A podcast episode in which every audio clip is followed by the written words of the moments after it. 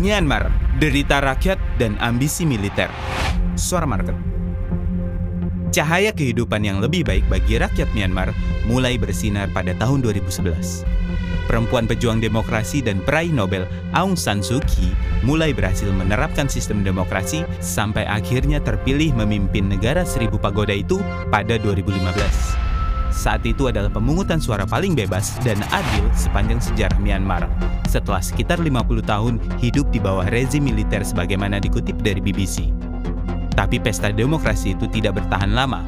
Kemenangan kali kedua Aung San Suu Kyi secara mutlak pada pemilu November 2020 dianggap militer sebagai kecurangan.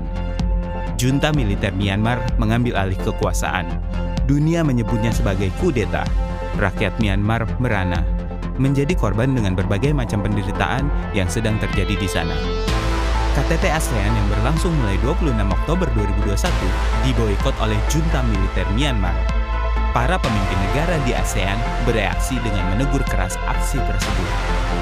Apakah gejolak politik di Myanmar bisa mengancam stabilitas kawasan ASEAN dan perdamaian